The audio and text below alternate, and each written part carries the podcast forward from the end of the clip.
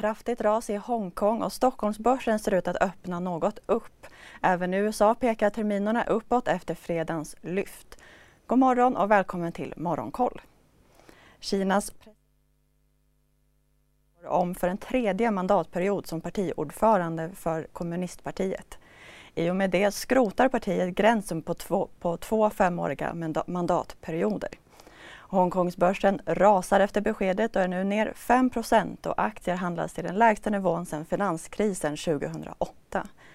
För Fastlandskina är läget lugnare. Både Shanghai och Shenzhenbörsen backar 1% och yuanen försvagades samtidigt som Tokyobörsen är upp en halv procent.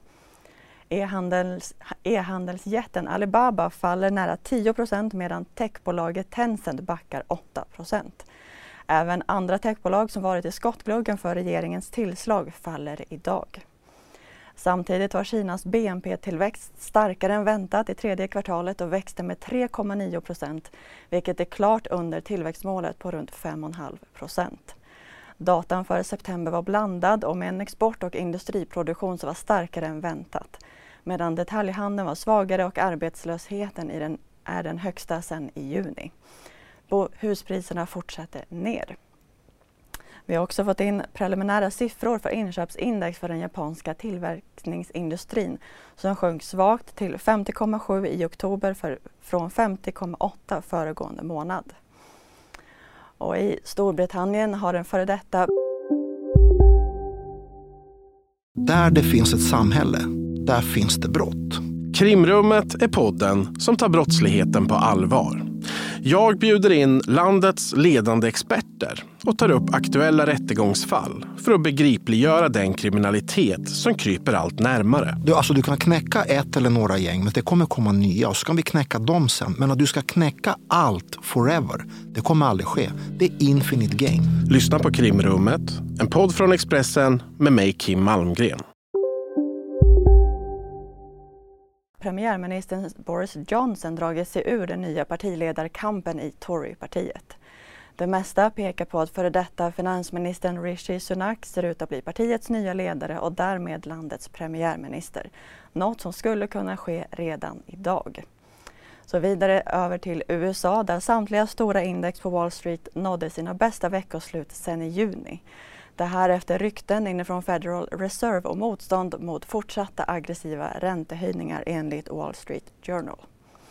Och läkemedelsbolaget Pfizer steg efter beskedet om att priset per vaccindos för covid-19 kan komma att fyrdubblas under 2023.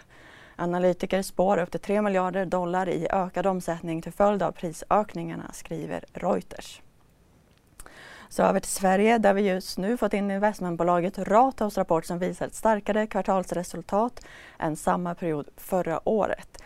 VD Jonas Wiström gästar DiTV klockan åtta.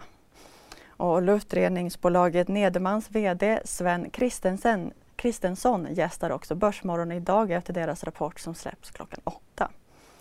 Även SLP, Swedish Logistic Property, som noterades i mars släpper rapport idag. Och Roger Akelius fastighetsbolag Akelius rapporterar även de idag. Sen i början av oktober när de köpte bolaget, köpte bolaget en storpost i Castellum. Idag får vi också PMI från USA, Tyskland och euroområdet. Då missa inte Börsmorgon kvart i nio och Börskoll klockan två. Ha en fin dag.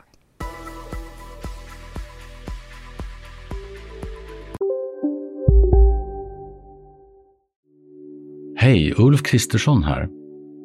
På många sätt är det en mörk tid vi lever i. Men nu tar vi ett stort steg för att göra Sverige till en tryggare och säkrare plats. Sverige är nu medlem i Nato. En för alla, alla för en. Vi är specialister på det vi gör, precis som du. Därför försäkrar vi på Swedea bara småföretag, som ditt.